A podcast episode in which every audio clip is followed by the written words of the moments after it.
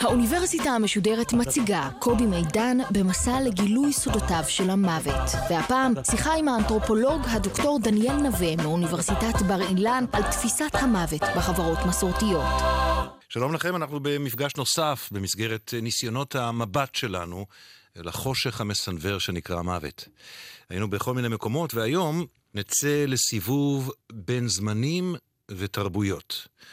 דוקטור דניאל נווה הוא מרצה ואנתרופולוג בחוג לאנתרופולוגיה וסוציולוגיה באוניברסיטת אה, בר אילן, בבית הספר ללימודי הסביבה, באוניברסיטת תל אביב. אתם יודעים, אנתרופולוגים במסגרת ההשתלמות שלהם צריכים לעשות מחקר שדה, והוא היה לפני כמה שנים, אכן במחקר שדה כזה, בדרום הודו, בקרב אה, שבט של ציידים לקטים. ימים ספורים אחרי שהוא הגיע, או אפילו ממש בימים שהוא הגיע, החלו לפקוד את השבט מקרי מוות לא מוסברים. שלום, דוקטור דניאל נווה. שלום. אני רוצה לפתוח בשאלה כללית.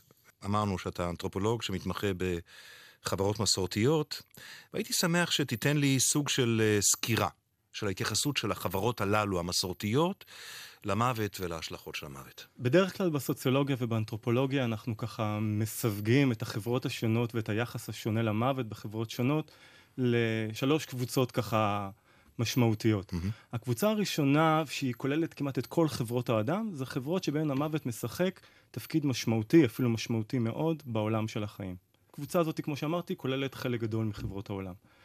בתוך החברה הזאת אפשר למצוא עוד חברה, ככה שמתפצלת בתוכה וגם מוכלת בתוכה, ואלו חברות שבהן המוות נתפס כשער לשחרור. כלומר, אם החיים האלה נתפסים כסבל, המוות הוא איזשהו שער לשחרור מתוך הסבל שבעולם הזה. ולכן מתעסקים בו במהלך החיים, כמו בקבוצה מאוד, הראשונה, מאוד. אבל סוג העיסוק הוא כזה כדי להגיע לשחרור. אכן, כן, okay. אוקיי. כן. הסוג הנוסף שאותי באמת מעניין באופן ככה מיוחד, הוא אותו סוג של חברות שבהן המוות משחק תפקיד מינורי מאוד בעולם של החיים.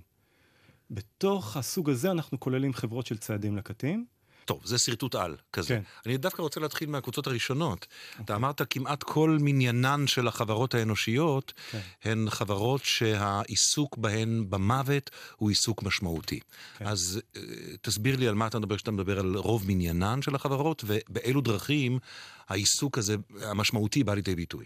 אפשר לראות את זה בכל מיני מישורים. אנחנו רואים שבחברות מהסוג הראשון, חברות שהמוות משחק תפקיד משמעותי כל כך, אז יש הגדרה מאוד ברורה של מה זה מוות טוב או מה זה מוות רע, אוקיי? Okay? אלו חברות שבהן, לדוגמה, אנחנו נרצה תמיד לדעת את סיבת המוות. יהיה מאוד מאוד מאוד חשוב להגיע לאיזושהי הסכמה, איזשהו קונצנזוס לגבי סיבת המוות. אנחנו נראה שאלה חברות שהן זקוקות לפרק זמן מסוים בשביל להתאושש ממוות שמתרחש בחברה. מוות טוב ומוות רע. כן. תפרט קצת.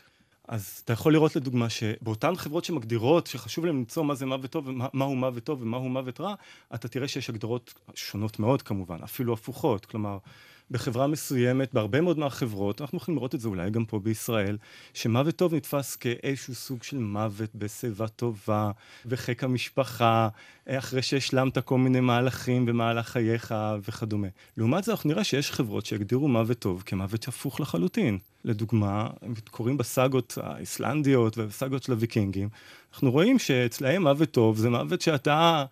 בהרחק ממשפחתך, במהלך פשיטה, ויקינגים זה פושטים, במהלך פשיטה, שחרבך שלפה בידך, ואתה פניך אל האויב, ואולי מוות בשיבה טובה במיטה יהיה מוות שאם אני ויקינג אני צריך להסביר ולתת כמה הסברים למה הוא קרה.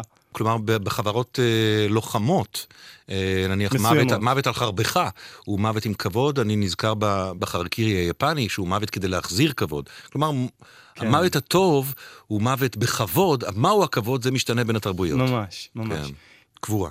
אז אנחנו רואים פה שגם כאן יש תמונה כמובן מאוד מאוד מאוד מאוד רחבה. אחד הדברים שאנחנו מוצאים, שחברות כבר משלבים מאוד מאוד מאוד עתיקים, כלומר יש לנו עדויות מלפני 9,000 שנה פה באזורנו, בארץ שבה אנחנו חיים, שמייצרים בעצם שני מהלכים של קבורה. קבורה ראשונית, שזה בעצם מה שאנחנו די מכירים גם בתרבות שלנו, מטמינים את, ה, את הגופה באדמה ונותנים לתהליכי הפירוק, הריקבון, לעשות את שלהם, אבל אחרי כמה חודשים, בדרך כלל זה באזור השנה, מוציאים את העצמות ומבצעים קבורה משנית.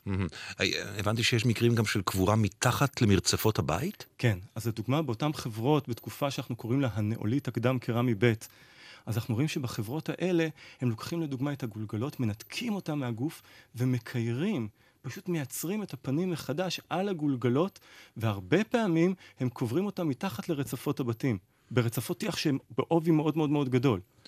זה מעניין לראות שבחברות האלה, וזה עוד היבט שמאפיין את החברות מהסוג הראשון שדיברנו עליו, מה שאנחנו רואים שבחברות האלה המוות הוא לא איזשהו, עכשיו אני חי, עכשיו אני מת.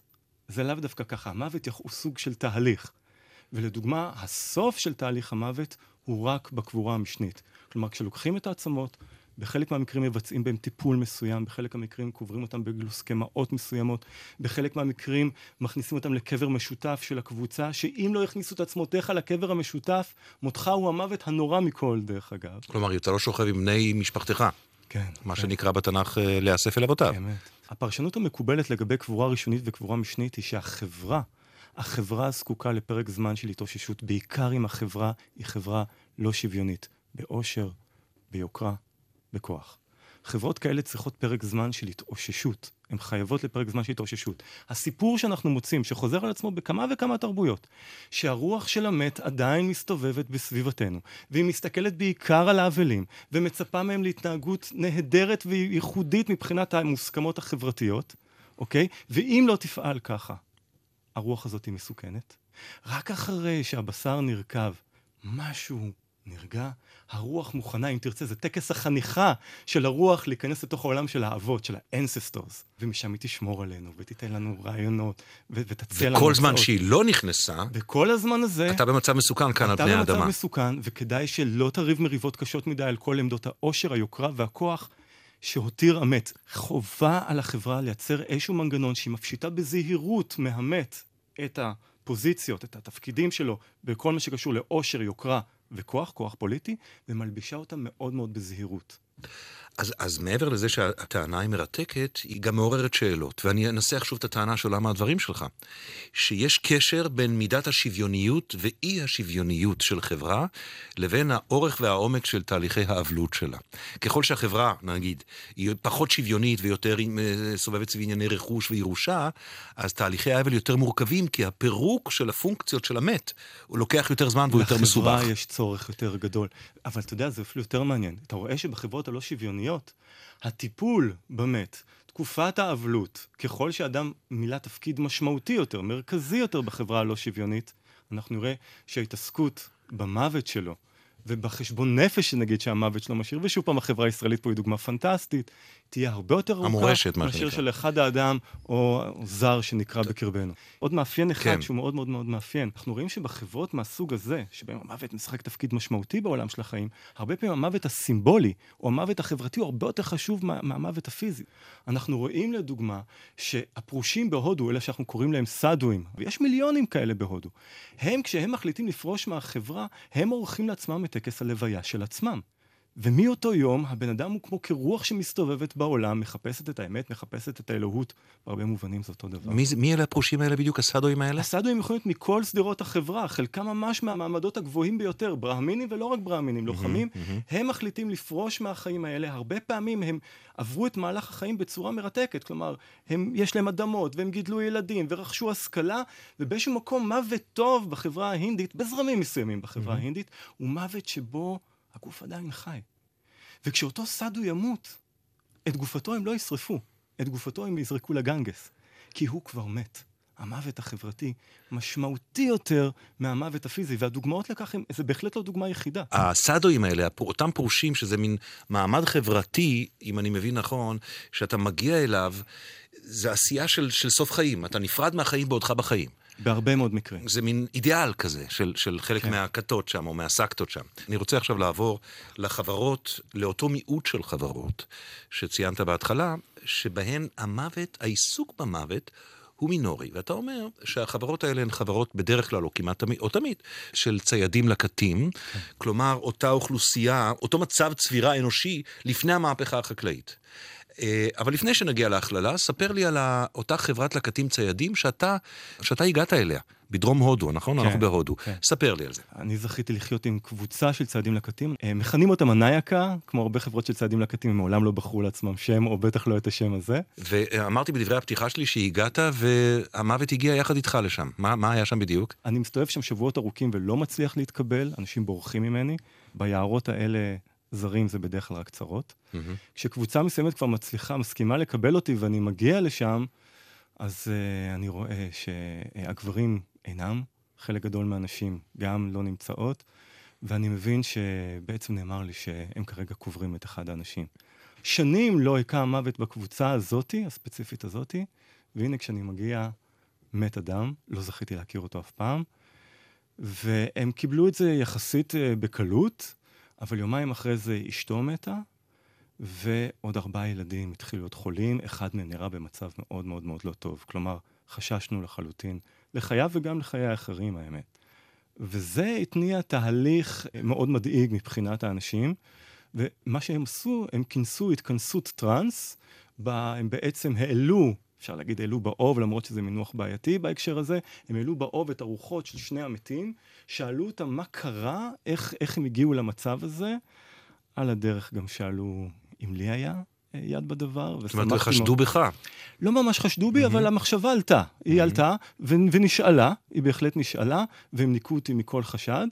ואולי הדבר המעניין ביותר, או אחד משני הדברים המעניינים היה, שהמתים אמרו שהילדים יתחילו להרגיש הרבה יותר טוב כבר מחר. וזה בדיוק מה שקרה. הטראנס היה של להביא את הרוחות של המתים כן, האחרונים. כן, כן, כן, אלו שמתו ממש לאחרונה. ושוב פעם, כינסו את התכנסות הטראנס לא כי אדם מת, כי חששו שהמוות הולך לפקוד שוב. אמרת שזה היה אחד משני הדברים המעניינים שהיו, מה היה הדבר השני? הזוג שנפטר, שמת, הם משאירים אחריהם ילד ככה בן 10, 11, נייקה, לא יודעים בני כמה הם, זו הערכה שלי. אנחנו רואים שהילד הזה אה, בסדר, ממש בסדר. מתי? מיד.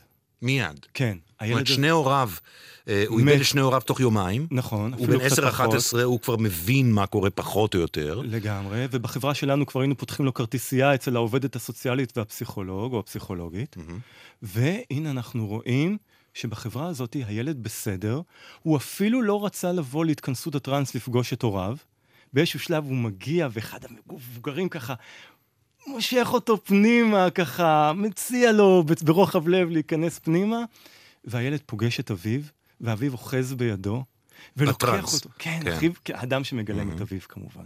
ואוחז את ידו, לוקח אותו לאדם אחר ואומר לו, מעכשיו בני הוא אביך. ולא כך היה. הילד קצת קצת ככה מתרפק על אביו, אבל כשאתה מסתכל מה שקרה אחר כך, הילד פשוט המשיך את חייו, אולי אפילו באיזשהו היבט נהנה ממקום של עצמאות, והילדים של הנייקה, כמו ילדים של צעדים לקטים, הם מאוד עצמאיים ביחס לילדים בכל חברה אחרת, והוא פשוט חי שבוע פה, שבוע שם, בא למי שרצה, ולדוגמה, כשהוא מגיע לחבורה שאני חייתי בה, אף פעם לא ראית משהו כמו, הנה מגיע הילד שההורים שלו מתו. היה מין משהו כמו, אה, הגעת. בוא, שב, אתה רעב, בוא תאכל משהו. והוא היה איתנו במידת הזמן שהוא רצה להיות איתנו, והמשיך לדרכו כשהוא רצה להמשיך לדרכו. אף אחד לא התערב, אף אחד לא הסתכל עליו כאל מישהו מסכן, שצריך לרחם עליו, שצריך לדאוג לו באופן מיוחד. היה משהו בקבלה של המוות של הוריו, שאני לא יכול שלא להבין שתרם מאוד להתאוששות, שבמונחים של החברה שלנו היא כמעט פלאית. אתה אמרת בשיחה מקדימה שאם היית קורא על זה, או אם היית שומע על זה בשיחה כמו שאתה מדבר עכשיו, פשוט לא היית מאמין כמה מהר אותו יתום משני הוריו יתאושש. כן, אז, בהחלט. אוקיי, שזה חלק בעצם מהתפיסה הציידית לקטית בכלל של המוות, נכון? כן. זאת אומרת, בגלל שהמוות הוא מינורי, כמו שאמרנו על כל החברות הללו...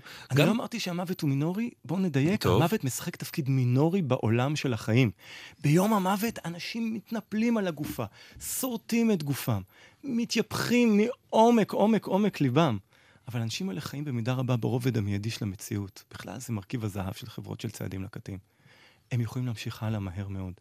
אם יהיה לחץ חברתי על האבלים, זה לא להפגין אבלות. הרי בחברה שלנו, אם אישה, ואני בכוונה מתייחס לדוגמה של אישה, אם אישה תתאלמן ומהר מאוד נראה אותה שלובת זרוע עם מישהו אחר, אנחנו נרים גבה מאוד מאוד מאוד גבוה.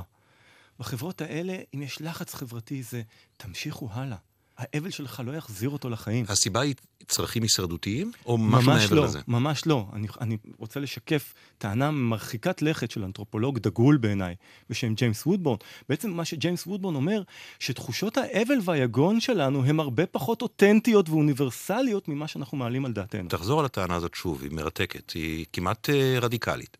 אני מסכים. Mm-hmm. תחושות האבל והיגון שלנו, שאנחנו חושבים שזה עניין אוניברסלי ושאין בלתו, הן לא כל כך אוניברסליות כמו שנדמה לנו. ובעצם מה שג'יימס וודבון אומר, שבחברות שבהן לחברה אין אינטרס בתקופת אבל ממושכת, כי אין קרע משמעותי במרקם החברתי, כי אין הפרשים גדולים בכל מה שקשור לשוויון של עושר, יוקרה וכוח, בחברות האלה אין לחברה אינטרס בתקופת אבל ממושכת, ואם יש לחץ חברתי, זה דווקא להמשיך בחיים, ויעודדו כל אחד, גבר או אישה, להתחתן כמה שיותר מהר, והשמחה רק תהיה גדולה שזה כבר יקרה. תבוא שנה אחרי אדם שהתאלמן, שנה אחרי אין מצב בחברה של צעדים נקטים שהוא כבר לא נשוי ולא משנה בין כמה. זה מדהים. אה, זו טענה מדהימה. אה, מה זה עושה להניח אה, לגבי קבורה? איך זה משפיע על, על קבורה בחברות של ציידים לקטים? הטענה היא שזה משפיע לאורך כל הסיפור. כלומר, אנחנו נראה שהטיפול בגופה הוא מינורי מאוד. אם אדם מת רחוק מהקבוצה, משאירים אותו מאכל לחיות היער או לחיות השדה. אם הוא מת בתוך, בתוך המחנה, פשוט לפעמים אפילו לא יקברו אותו, ישימו אותו בתוך הבקתה שלו, ימוטטו עליו את הבקתה, וזה מאוד פשוט, זה בסך הכל ביתה בבסיס הבקתה, זה בקתות ככה מאוד מאוד דלילות במבנה שלהם, והקבוצה תעבור, היא תעבור 100 מטר או 10 קילומטר, היא תעבור איש לאיזשהו מקום אחר, והם פשוט יגידו שהם עוברים כי המקום הזה יש בו זיכרונות רעים, והם רוצים להמשיך הלאה. אתה תראה שאם קוברים, אז הקבר הוא מאוד מאוד מאוד מאוד שטוח, לפעמים היד מבצבצת מתוך הקבר, ולאף אחד אין פה שום בעיה. אתה נשמע כאילו אתה מתאר דברים שראית. בוודאי. כן. אוקיי, אז אם אנחנו מדברים על uh, לעבור, או על התייחסות יחסית מינורית של החיים, יש כמובן המיתוס הכי גדול שקשור לזה, זה המיתוס של האסקימואים ששולחים את מתיהם למות בקרח. אז קודם כל, האם זאת חברה ציידית לקטית לפי הגדרה? וב', האם המיתוס הזה מתקיים ונכון?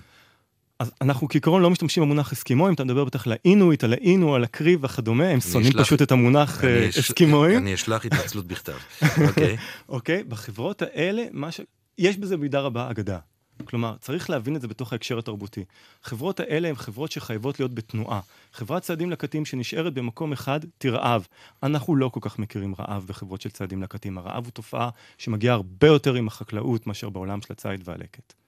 בחברות האלה, אדם שלא יכול לזוז, לא אדם זקן, אני ראיתי הרבה זקנים של הנייקה שזזים ביעילות הרבה יותר גבוהה ממני, uh-huh. אוקיי? אדם שלא יכול לזוז, אין ברירה, ומדי פעם צריך להשאיר אותו מאחור. אולי יאיטו את הקצב כדי שאולי הוא יתאושש, אבל יכולים להשאיר אותו מאחור. אה, טוב, הטענה הזאת ש, של הקשר בין uh, השוויוניות שבחברה, שוב אנחנו חוזרים אליה, השוויוניות שבחברה, לבין המרכזיות של המוות ובעיקר תהליכי האבל, היא טענה באמת לא פחות ממרתקת. מין, אם אתה רוצה, אולי עוד, אה, עוד חיזוק לגישה סוציאליסטית, אם אתה רוצה אפילו עד לשם ללכת. דיברנו על uh, שלוש קבוצות וסקרנו יחסית בהרחבה שתיים. הקבוצה הראשונה שהיא רוב מניינה של החברה האנושית היום, והיא הקבוצה שמתעסקת הרבה במוות, עם כל מה שקשור בזה. הקבוצה השנייה שהעיסוק של החיים במוות יחסית מינורי, וזו הקבוצה הקטנה של לקטים ציידים.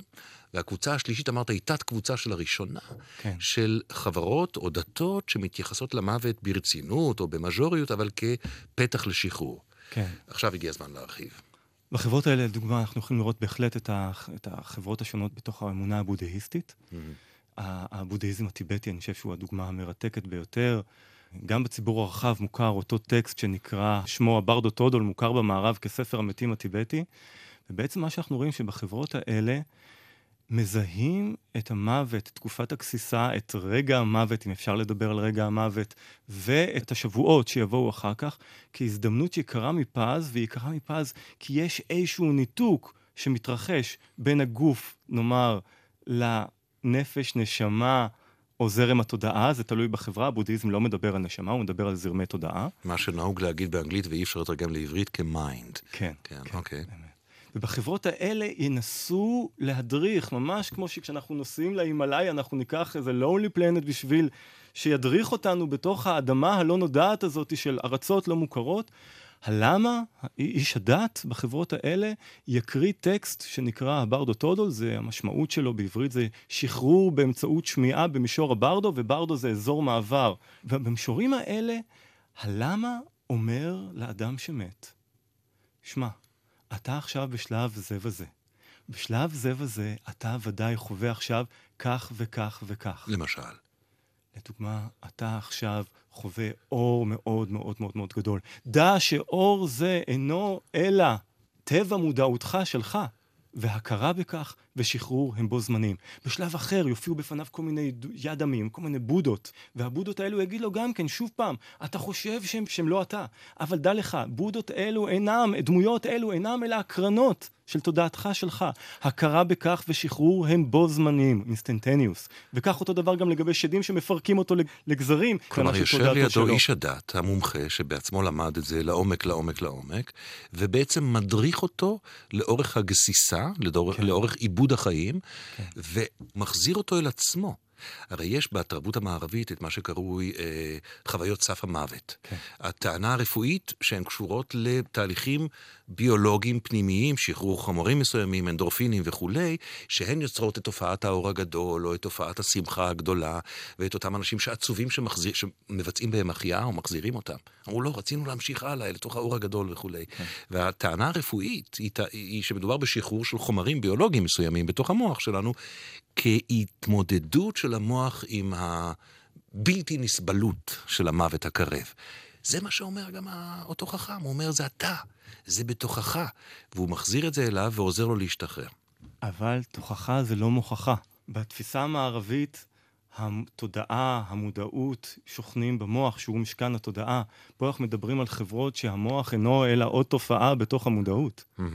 זה שוני גדול מאוד. נכון. והשחרור זה שאתה יודע שאתה המודעות. והשחרור, אותה, אותה מילה שאתה חוזר עליה, היא מביאה אותנו לתופעה או למרכיב נוסף של עולם המוות בתוך החיים, שאיננו רק אה, מיוחד לחברות הללו שרואות במוות שחרור, או הזדמנות לשחרור, וזה תופעת גלגול הנשמות.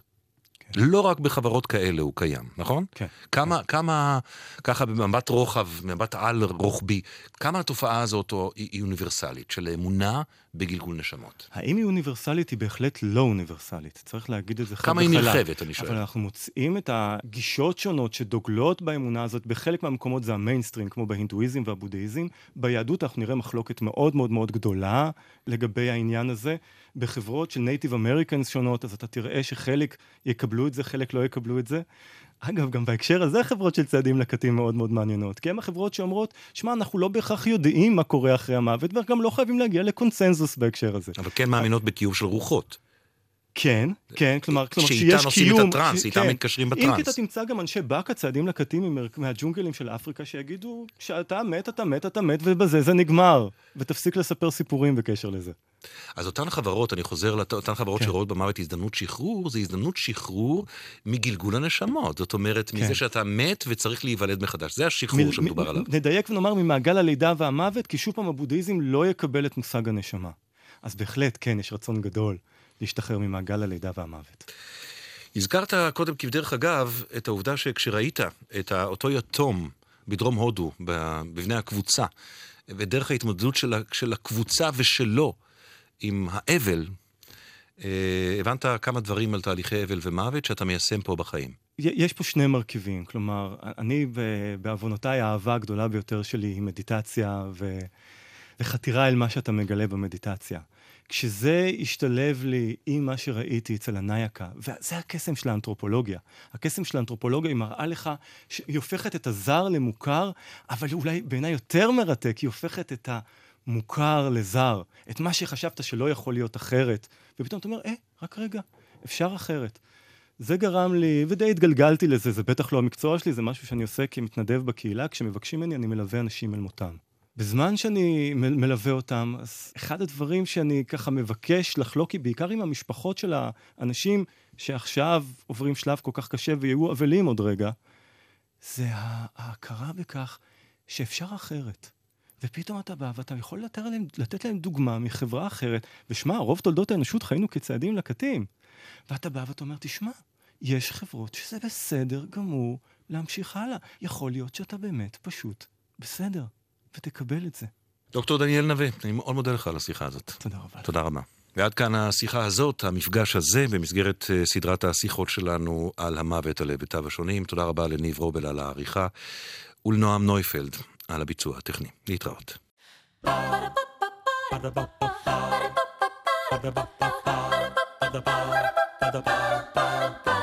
האוניברסיטה המשודרת, קובי מידן שוחח עם האנתרופולוג הדוקטור דניאל נווה מאוניברסיטת בר אילן על תפיסת המוות בחברות מסורתיות. מערכת האוניברסיטה המשודרת, מאיה להט קרמן, ליאור פרידמן, אורן הוברמן וגיא עופר. האוניברסיטה המשודרת, בכל זמן שתרצו, באתר וביישומון אפליקציה של גל"צ וגם בדף הפייסבוק של האוניברסיטה המשודרת.